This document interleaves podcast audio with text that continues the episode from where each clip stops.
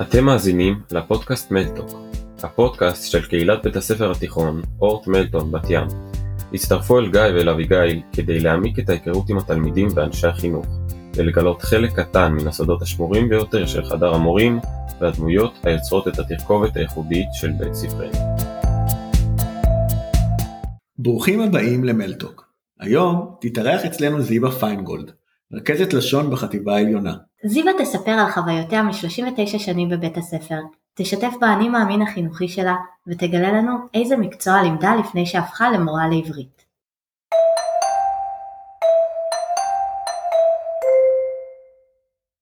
טוב, אנחנו נתחיל כהרגלנו בקריאת שמות, מרמרי אביגיל, נמצאת גלב גיא? גם אני כאן, ופיינגולד זיווה.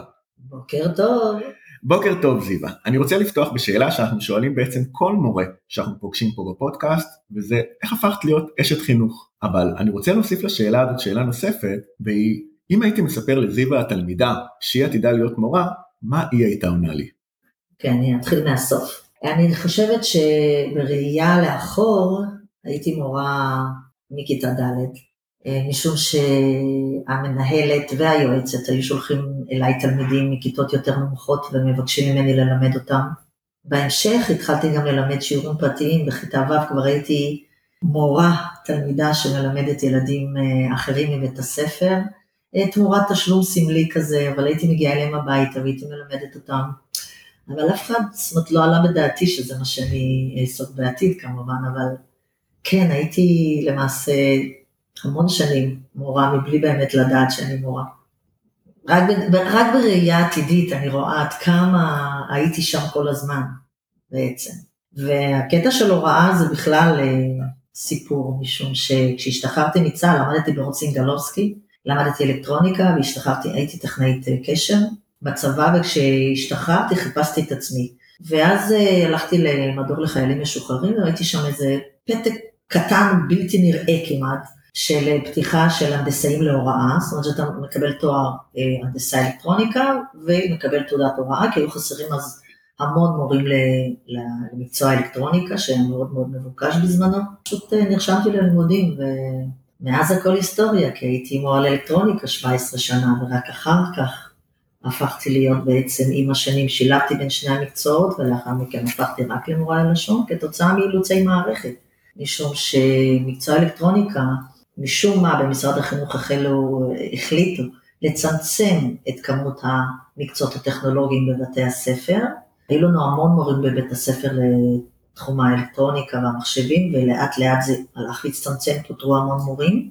ומאחר ועשיתי תואר גם בלשון, אז uh, החליטו, מה זה החליטו? החלטתי שאולי כדאי שאני אקח, אתחיל ללמד לשון, כדי לאפשר למורים אחרים להמשיך לעבוד, כי זה באמת עניין של משרות מורים. אז אה, זהו, אז ככה הפכתי להיות בסופו של דבר רק מורה ללשון. אז בעצם התחלת באלקטרוניקה והגעת ללשון, וזה בכלל לא מובן מאליו שיש לך תואר בלשון, הרי לא כולם יודעים את זה, אבל עברית זאת לא שפת האם שלך, נכון? לגמרי לא, הגעתי, כשהגענו לארץ בדצמבר 72, הייתי אז בת פחות משבע, ונכנסתי לכיתה א', למרות שהייתי אמורה להיות כבר בכיתה ב', אז לא הייתה לי כל כך שפה, והיה שם קטע מאוד, מאוד מעניין, שאין בר, ברוסית את האות ה', בוא נגיד שהאות הכי קרובה זה ח', אז במקום ה', אנחנו משתמשים בח'. עכשיו, חלק מהעולים באמת משתמשים בג', גם מורה למשל, במקום המורה אומרים גם מורה, אז אני הייתי אומרת חמורה, וכל פעם זה היה מעורר גיחוך בשלב הראשוני, זה היה מעורר שלום חמורה, שלום חמורה, וזה היה פשוט אה, מעורר גיחוך אה, בכיתה, לקח זמן כמובן עד שאתה לומד, אבל אה, לא, אני, כלומר אני... אני רוצה לשאול, גיחוך זה עוד סביר, זה לא היה מייצר גם איזושהי כעס, איזשהו כעס מצד המורים? האמת שלא, זאת אומרת אני... את, ה, את תחילת הלימודים שלי, הייתי בכיתה א' בבית ספר ארליך בטבריה. ואני חייבת לציין שהייתה לי חוויה מדהימה שם, באמת, גם קיבלו אותי כל כך יפה, המורה והילדים, והם שיחקו איתי בהפסקות, ו...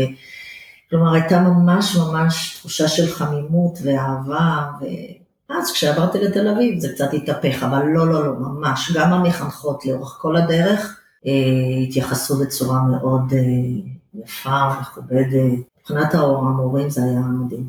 ויש לך זיכרונות מתהליך רכישת העברית בתור עולה חדשה? זה נושא שמאוד רלוונטי אצלנו בבית הספר, שהרבה מהילדים בעצם, או גם עולים חדשים, או שהם מדברים עברית רק במהלך שעות הלימודים וכל שאר החיים שלהם פה בבת ים מתנהלים בשפה הרוסית. כן, אנחנו, כשאנחנו הגענו זאת הייתה תקופה אחרת, זאת הייתה תקופה שבה עד שקיבלת בכלל איזשהו אישור לעלות למדינת ישראל, ארץ ישראל זה היה פרויקט מאוד מאוד מורכב. זאת אומרת, אז אה, מתי מעט הגיעו בתקופה של בשנות ה-70, מתי מעט עלו לארץ, אז כך שלא היו הרבה עולים חדשים. ולכן זה, זה, זה עולם אחר. כיום זה עולם אחר לגמרי. כיום זה ממש, אה, יש כאילו גטאות ש, שדוברות רוסית, והגנים עם גננת דוברת רוסית, כך שהם לא ממש נטמעים, לא במדינה וכמובן גם לא בתרבות שלה, לא בשפה שלה, וזאת אחת הבעיות הקשות שלנו, שהם מדברים למעשה רוסית לאורך כל היום, והדרך לרכוש שפה היא לדבר אותה, לקרוא אותה, וכשהתלמידים האלה לא קוראים בעברית, לא דוברים את השפה בעברית, אין סיכוי שהם יעשירו את אוצר המילים. כשאני עליתי לארץ לא הייתה לי ברירה. כשאתה נמצא בחברה שהיא דוברת עברית, אין לאן לברוח, אתה חייב להיטמע, ובאמת גם רציתי להיטמע, זאת אומרת, מאוד רציתי להיות כמו כולם, מאוד רציתי להיות uh, אחת שרואים אותה, והשפה לא הייתה יכולה להיות uh, מכשול בפניי, משום שדי מהר, גם בגיל כזה צעיר, אתה קולט את השפה די מהר, ואני חושבת ש... תוך זמן מאוד מאוד קצר ידעתי לדבר. ההתחלה הייתה די מורכבת, אבל הייתה לי המון עזרה. אני, למשל, כשהגעתי ל...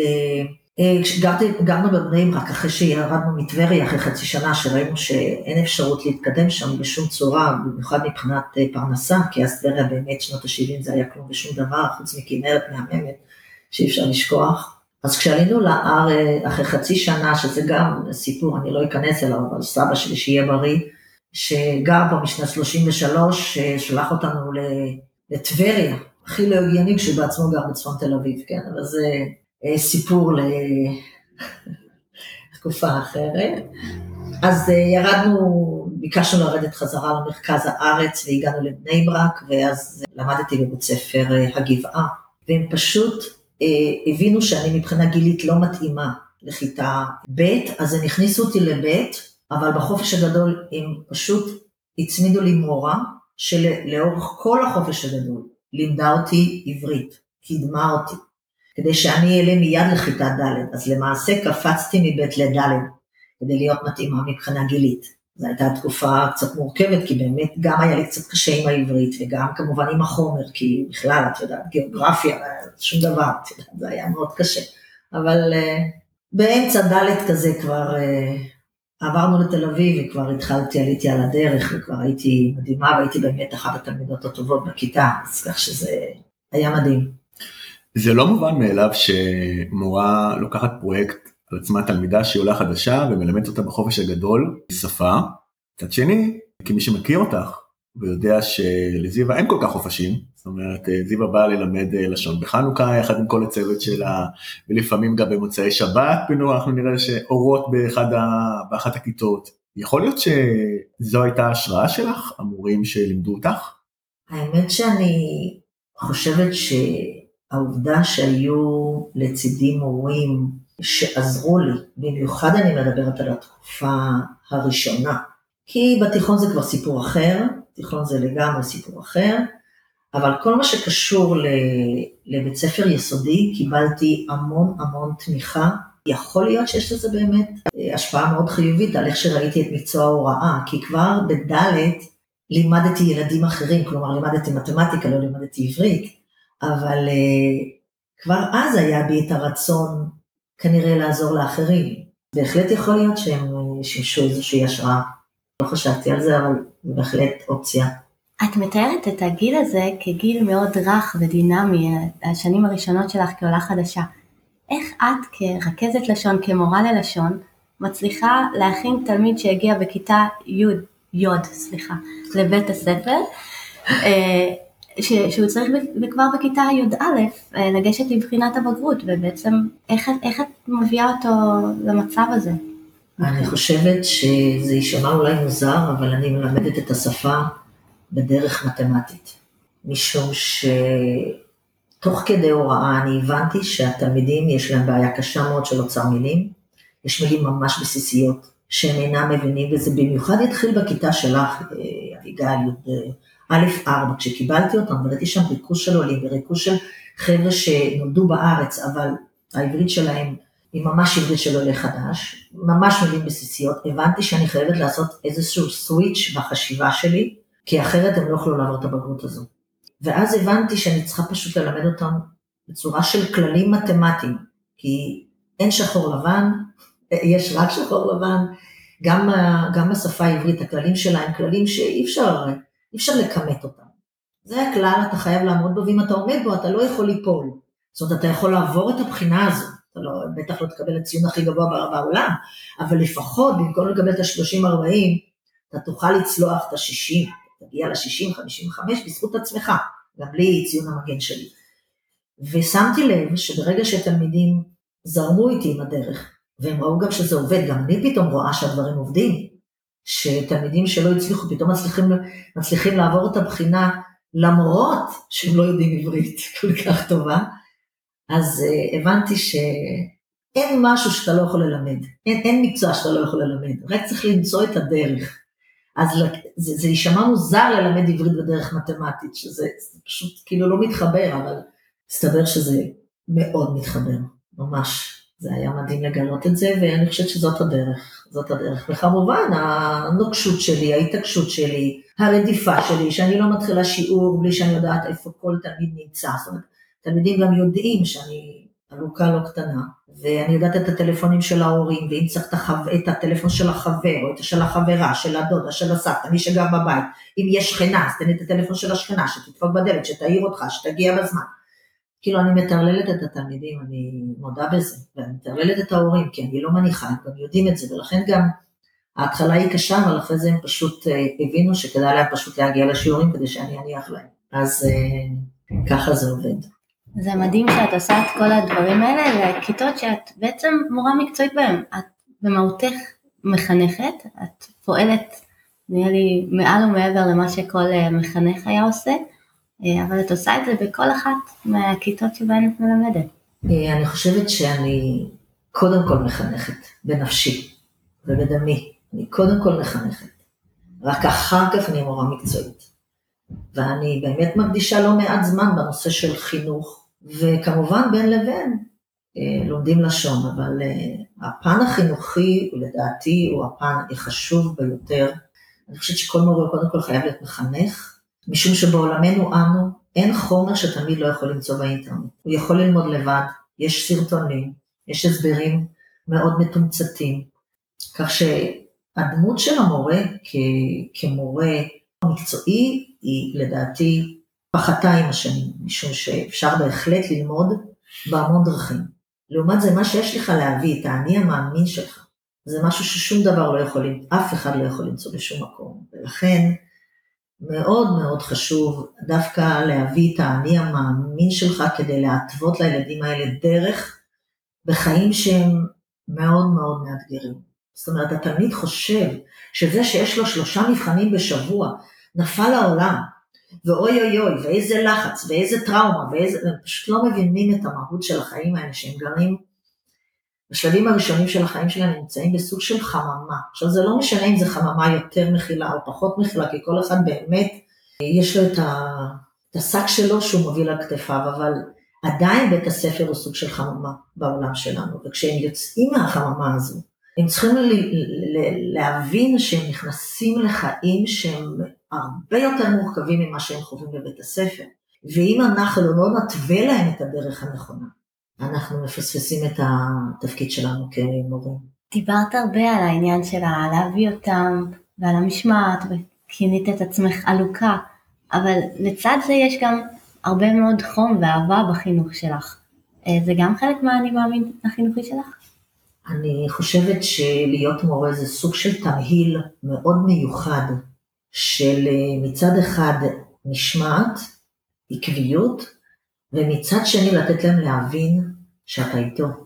זאת אומרת שכל המטרה, כל הרציונל שעומד מאחורי דרכי, היא ההבנה שאני רוצה את טובת הילד. ואם אני נותנת לתלמיד את התחושה הזאת, שדרך אגב, אי אפשר לזייף אותה. זאת אומרת, תלמיד מיד מזהה מתי המורה הוא באמת עובד מתוך כוונה אמיתית ומתוך אהבה ודאגה אמיתית, ומתי זה נעשה כסימון וי, הגעת, הגעת, לא הגעת, לא הגעת, לא קרה כלום. זאת אומרת, אני חושבת שאני באיזשהו אופן ממכרת אותם לעובדה שבאמת אכפת לי מהם. זאת אומרת, הם, הם מבינים שאכפת לי מהם.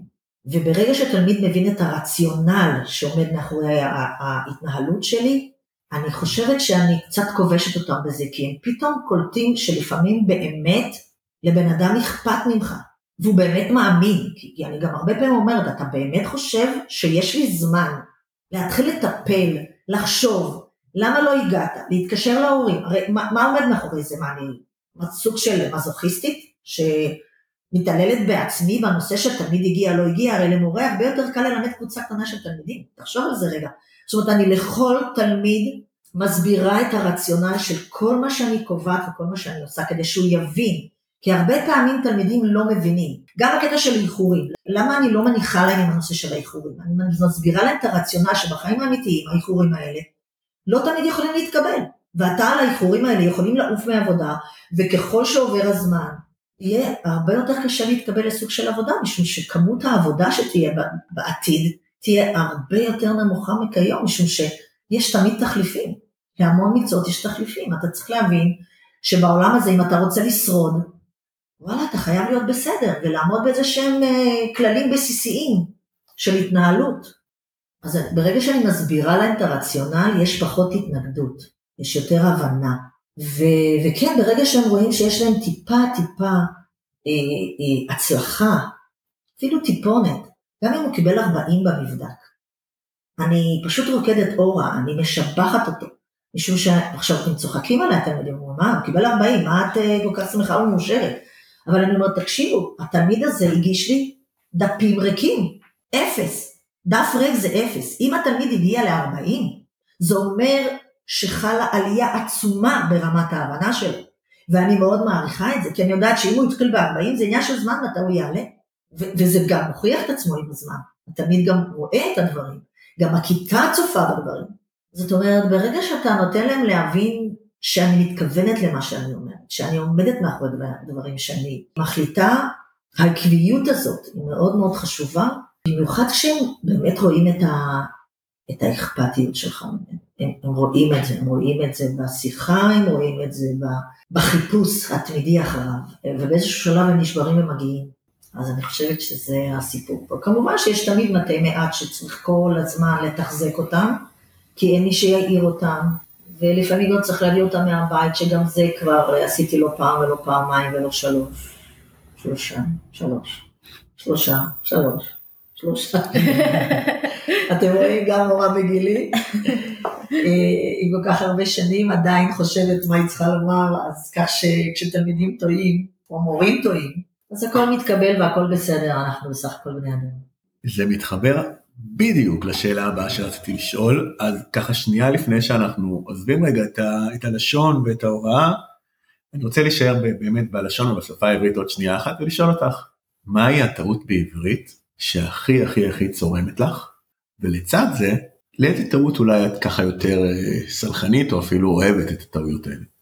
אוקיי, אז זו דווקא שאלה מאוד מאוד קלה, משום שזה גם דבר שמאוד נפוץ אה, בקרב אה, לא רק מורים ולא רק תלמידים. אנחנו מאוד אוהבים שאלות קלות.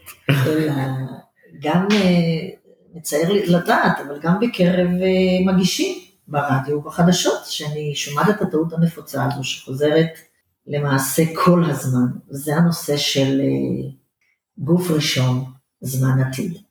אותיות איתן. כלומר, אני, אני יבוא אליך מחר, אה. אני יביא לך את הכסף, אני אוהב אותך.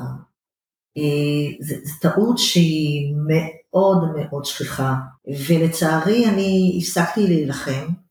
אני כן משתדלת בכיתות שאני מלמדת, מאוד להדגיש את העובדה שזה תמיד א' א', ברגע שאני אומר אני, אני חייבת להתחיל באלף, אבל אני חייבת לציין שאני מעריכה שהקרב הוא קצת אבוד, כי אם אני רואה מגישי חדשות, שומעת מגישי חדשות, שמדברים עם י' במקום עם א', אז אני מבינה שהקרב קצת אבוד, כי אנחנו בסך הכל מחקים את מה שאנחנו שומעים מסביבתנו. כל זה שהשפה היא שפה חיה, מתפתחת ומשתנה, זה דבר שהוא קצת אה, מעיק עליי, מעיק עליי ממש. וטעות אה, נפוצה נוספת זה באמת הקטע של 5,000, 6,000, 7,000, 10,000, שתלמידים וגם הורים, שאני שומעת אומרים קיבלתי משכורת 10,000, שזה קצת אה, קשה לי לשמוע, אבל אני לא מתקנת משום שאני מבינה שגם אני קודם כל טועה, ושמתם לב כבר לפני דקה שגם אני התחלתי לחשוב אם זה זכר או נקבה, אז כך שאנחנו בני אדם, אנחנו טועים,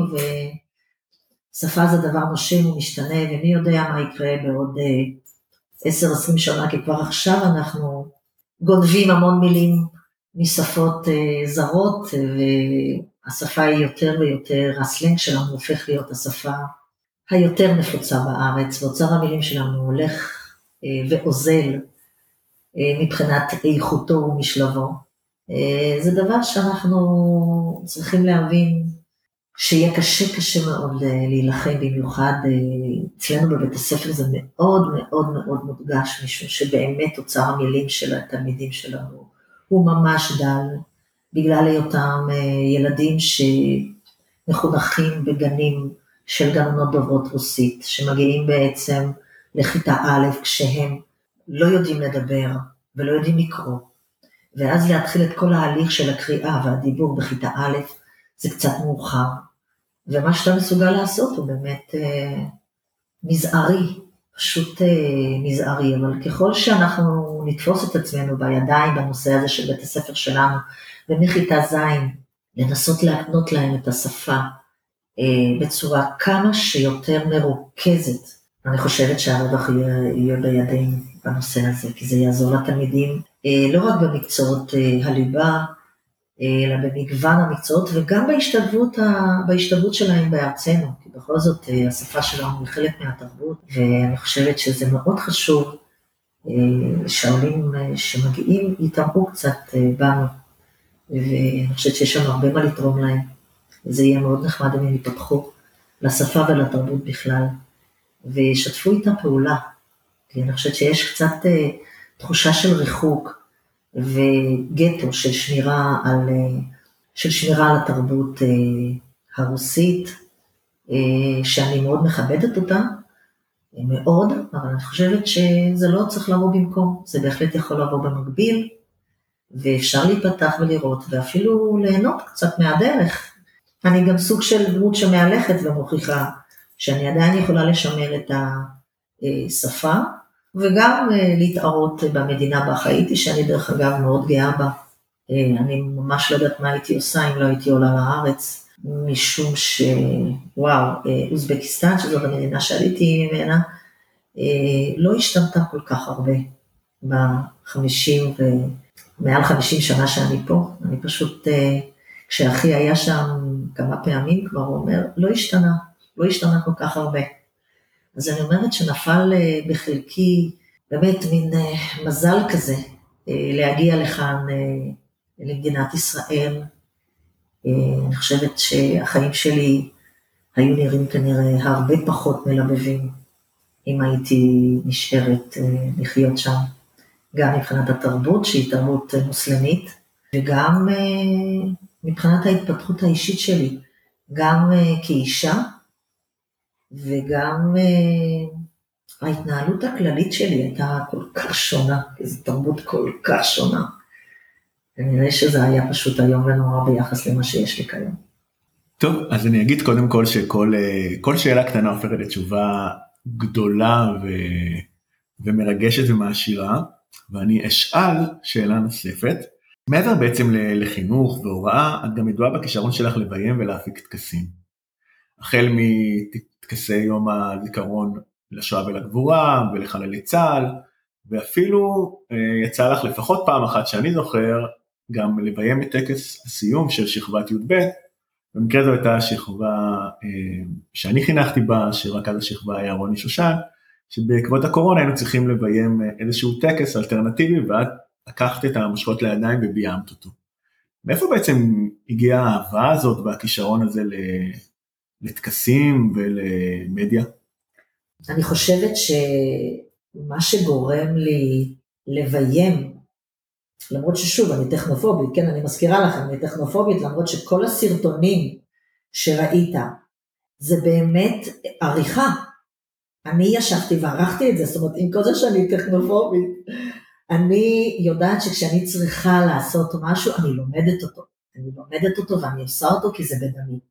עכשיו, מה שמניע אותי בסיפור הזה, זו העובדה שכשאני סיימתי י"ב באורט סינגלובסקי, והייתה מסיבת סיום, שהייתה כלום ושום דבר, אף אחד כנראה שם לא נרתם לשום דבר, ומה שהיה שם זה היה בסך הכל חלוקת תעודה וריקוד, ריקוד זוגי של חברה שלי שהייתה רקדנית, וגם אה, עוד איזה תלמיד מהשכבה, שהם רקדו ריקוד זוגי, וזהו, ותם הטקס, ונתנו כמובן מתנה למחנכת, אבל לא הייתה שום הירתמות של אף אחד לעשות משהו, כי היינו כולנו במין ציפייה כזאת.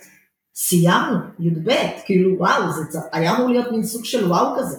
וכל כך התאכזבתי מהטקס, כאילו טקס, אפשר בכלל לקרוא לזה טקס, ש, ש, שזה ממש חרה לי. וכשהבנתי שיש בעייתיות, כי אין תקציבים, כי אין אה, אפשרות, כי כל מיני, אז החלטתי פשוט, אה, איכשהו זה נפל עליי, לא יודעת אפילו איך להסביר את זה, כי ביימתי לא מעט טקסים. טקס שלכן זה היה טקס בגלל תקופת קורונה, הוא היה בכלל טקס הכל מוסרט, אבל, ובאמת עבודת נמלים, זו הייתה עבודת נמלים, הטקס הזה, אבל שוב, כל טקס הוא קודם כל עבודת נמלים, משום שלגרום לתלמידים להירתם לפרויקט הזה, זו חתיכת פרויקט, משום שרוב התלמידים יש להם חיים, ולא בא להם עכשיו, ומכל שכבה של איזה 120 תלמידים, אם יש לך 20 תלמידים שאתה מצליח איכשהו לתחזק ברמה כזו או אחרת, אז uh, הצלחת, ואם הצלחת יותר, אז בכלל אתה יכול לטפוח לעצמך על השכם. אני מתה על זה שתלמיד יוצא בתחושה שהוא יצא, והוא יצא עם איזושהי, איזשהו טקס שהוא יכול לזכור אותו, שהוא, שהוא יכול לצאת ממנו בחיוך. ואני חושבת ששוב, כל הזמן החשיבה היא על התלמיד. כל, ה, כל החשיבה שלי מאז ומתמיד לא הייתה כל כך חשיבה על המורה, על המחנך, אלא תמיד, תמיד, תמיד הייתה איך לתת לתלמיד תחושה יותר טובה.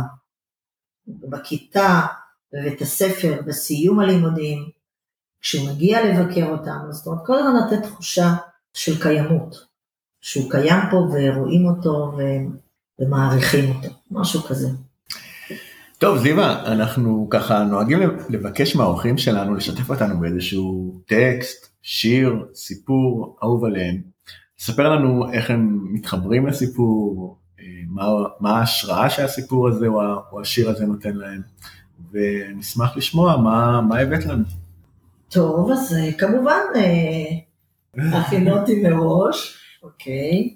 אז יש לנו, רוצה להקריא לכם אה, שיר שכתב אותו פבלו נרודה, שהוא משורר צ'יליאני. וכמובן שיש לזה תרגום, וניסיתי למצוא איזשהו תרגום שהוא קצת יותר בשפה שאפשר להבין את משמעות המילים, כי אני חושבת שזה אה, שיר שמלווה אותי כבר אה, לא מעט שנים. אני מנסה, מנסה לנסות ליישם אותו, כי זה לא כל כך פשוט לבן אדם שהוא שמרן מטבעו. אז אה, השיר נקרא מת באיטיות. מת באיטיות מי שלא זז ממקומו, מי שלא מתעניין. מת באיטיות מי שפוגע בכבודו העצמי, מי שלא נותן שיעזרו לו. מת באיטיות מי שהיה שבוי בהרגליו וחוזר יום יום לאותן המוסכמות. שלא מחליף מותג, שלא מעז לשנות בונה לבושו, שלא משוחח עם מי שאינו מכיר. מת באיטיות מי שמונע מעצמו תשוקות ומערבלות הרגשות שהם יוצרים. דווקא אלה מחזירים ניצוצות לעיניים ומשיבים לחיים לבבות שבורים. מת באיטיות מי שלא משנה כיוון כשהוא מרגיש אומלל במקום עבודתו או עם אהובתו. מי שלא מרענן הידוע והבלתי ידוע, כדי להתעלות בחלומותיו. מי שלא מרשה לעצמו, ולו פעם אחת בחיים, להתרחק מעצות נבונות. תחיה היום, סכן היום, עשה זאת עכשיו. אל תיתן לעצמך למות באיטיות. אל תימנע מהאושר. זה ממש שיר לחיות לאורו. ממש, ממש. זה שיר שבאמת מלווה אותי, למרות שאני שוב אומרת, זה לא כל כך פשוט, כי לפעמים אתה צריך לדעת לוותר ולדעת להתפשר, וזה לא תמיד קל לך, כי לפעמים בא לך לעשות מה שבא ספציפית לך, ולשמור על האנוכיות שלך, ועל הרצונות שלך, והצרכים שלך, ואני חושבת שזה הרבה יותר קשה לוותר על הדברים האלה. אז יש פה איזשהו קצת, אה, זה, זה, זה סוג של קצת מלחמה, כי אתה מצד אחד רוצה לממש את עצמך, ואתה גם יודע שיש לך מישהו שאתה חי לצידו, ואתה חייב אה, להבין שבחיים האלה ללא פשרות וללא ויתורים זה לא ילך, זה לא ילך. אתה מבין שיש דברים שאתה צריך אה, להתפשר עליהם. אני אגיד שדבר נוסף שאנחנו מבקשים מה... מהאורחים שלנו פה בפודקאסט, זה איזשהו טיפ או שני טיפים כזה, אחד למורים החדשים והוותיקים ואחד לתלמידים, ואני אוסיף ואומר שקיבלנו כל כך הרבה טיפים במהלך השאלות, ככה זה בא לנו בצורה טבעית, ועוד השיר הזה שהוא אסופה של, של טיפים, אבל בכל זאת, נבקש ממך לבחור את שני הטיפים שאת יכולה למסגר אותם בצורה הכי טובה ולשלוח אותם, כמו שאמרתי, אחד למורים ואחד לתלמידים. אוקיי, okay, אז אם הייתי רוצה לתת טיפ אחד למורה, אז uh, אני חושבת שהדבר החשוב ביותר זה שהתלמיד יגיע לשיעור. אני חושבת שפה זאת הנקודה החשובה ביותר, uh, גם לילד, כדי שיבין שמרגישים בחסרונו. אני חושבת שעם כל זה שהם מקטרים, אני חושבת שחשוב להם שהם מחפשים אותם. אז אני כן הייתי ממליצה למורה לא להתחיל שיעור בלי שהוא יודע איפה נמצא הילד שהוא אמור ללמד באותו יום. וכל שיעור שאני נכנסת, הדבר הראשון שאני עושה זה לבדוק שמות, ומי שלא נמצא, אז כשהתלמיד מתקשר, מישהו מהתלמידים מתקשר, ואם הילד לא עונה, אני מתקשרת להורה, אה, לחבר או לחברה שלו, או מי שזה לא יהיה. אני לא מתחילה שיעור בלי שאני יודעת איפה נמצא כל תלמיד, ואני מבטיחה לאותו מורה שעושה את זה, שלאט לאט כמות הטלפונים שהוא יצטרך לבצע מדי בוקר או מדי שיעור ילך וירד. בסופו של דבר את רובם אנחנו מצליחים לשבור באהבה שלנו אליו, באכפתיות שלנו אליו. ו, וגם אם יהיו כאלה מתי מעט שנצטרך לרדוף אחריהם, בסדר, בסוף הם יודו לנו. בסוף הם יודו לנו, כי כנראה יש מספיק סיבות שלא מאפשרות לו לבוא לבית הספר, ואנחנו צריכים להבין אותם, להכיל אותם ולעזור להם. כי בבוא היום הם לא ישכחו אותם. כי גם כיום כשאני עושה את ההליכות שלי מראשון לבת ים, אני תמיד פוגשת בוגרים שלי, מאוד שהם כבר עם שערות צבע, והם תמיד אומרים שלום המורה. והם תמיד אומרים שבחיים לא, לא ישכחו אותי, וגם אומרים לא סתם המורה, שלום המורה זיווה, שזה כבר אחרי שהם, יש להם כבר בעצמם ילדים בבית הספר, אז זה דבר שהוא מחמם לב, וזה מה שנותן באמת את הכוח להמשיך, כי אתה מבין שאתה מאוד מאוד משמעותי בשבילם, למרות שבאותם רגעים, או באותו זמן הם הטריפו אותך, לא הניחו לך, שיגעו אותך, אבל אני חושבת שבסופו של יום יש הערכה, והם לא שוכחים את השם שלך עשרות שנים, ואני חושבת ש, שזה ייעודנו, אם אנחנו נצליח להיות מורים כאלה שזוכרים אותנו, אז אני מאמינה שאנחנו באמת מורים לחיים של אותם ילדים. גם הטיפ אה, למורה הוא לדאוג שכל התלמידים מגיעים לשיעור, ואם תלמיד לא מגיע אז שידעו שמחפשים אותו, והטיפ לתלמיד זה פשוט תגיע. אני חושבת שזה הדבר המהותי בכל הסיפור הזה, אני חושבת שאם תלמיד ידע לאסוף את עצמו, למרות כל הקשיים, ושוב, אני מדברת מניסיוני שלי, אוקיי? אם תלמיד יעש, באמת ידע לאסוף את עצמו, לאסוף את עצמו, ולהביא את עצמו לבית הספר, אני חושבת שהרווח בסופו של דבר יהיה רק שלו. זו הדרך, אין דרך אחרת. אין דרך אחרת שאני רואה שהתלמיד יכול להצליח אם הוא לא יהיה נוכח בכל השיעורים. סיבה, המון תודה. תודה שבאת ושיתפת אותנו, ותודה לך על מי שאת וצוות בית הספר ועבור התלמידים. במיוחד תודה שעמדת שעה וחצי בפקקים כדי אה, להשתתף בפודקאסט שלנו. אה, זהו, היה, היה מרתק, תודה. אני נהניתי מאוד, תודה רבה לכם שבחרתם בי.